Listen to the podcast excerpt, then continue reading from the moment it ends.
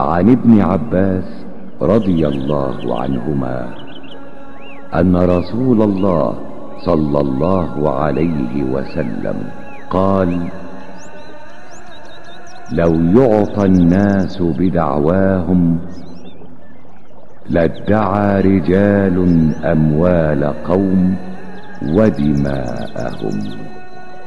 لكن البينة على المدعي واليمين على من أنكر حديث حسن رواه البيهقي وغيره هكذا وبعضه في الصحيحين Od Ibn Abasa, radijallahu anhu, prenosi se da je Allahov poslanik, sallallahu alaihi veselem, rekao Kada bi se ljudima dalo ono što traži, bilo bi ih koji bi tražili i metak i živote drugih.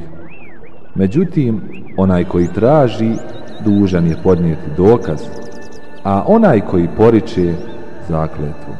Ovaj hadis je Hasan, a prenose ga Bejheki i drugi u svojim zbirkama hadisa.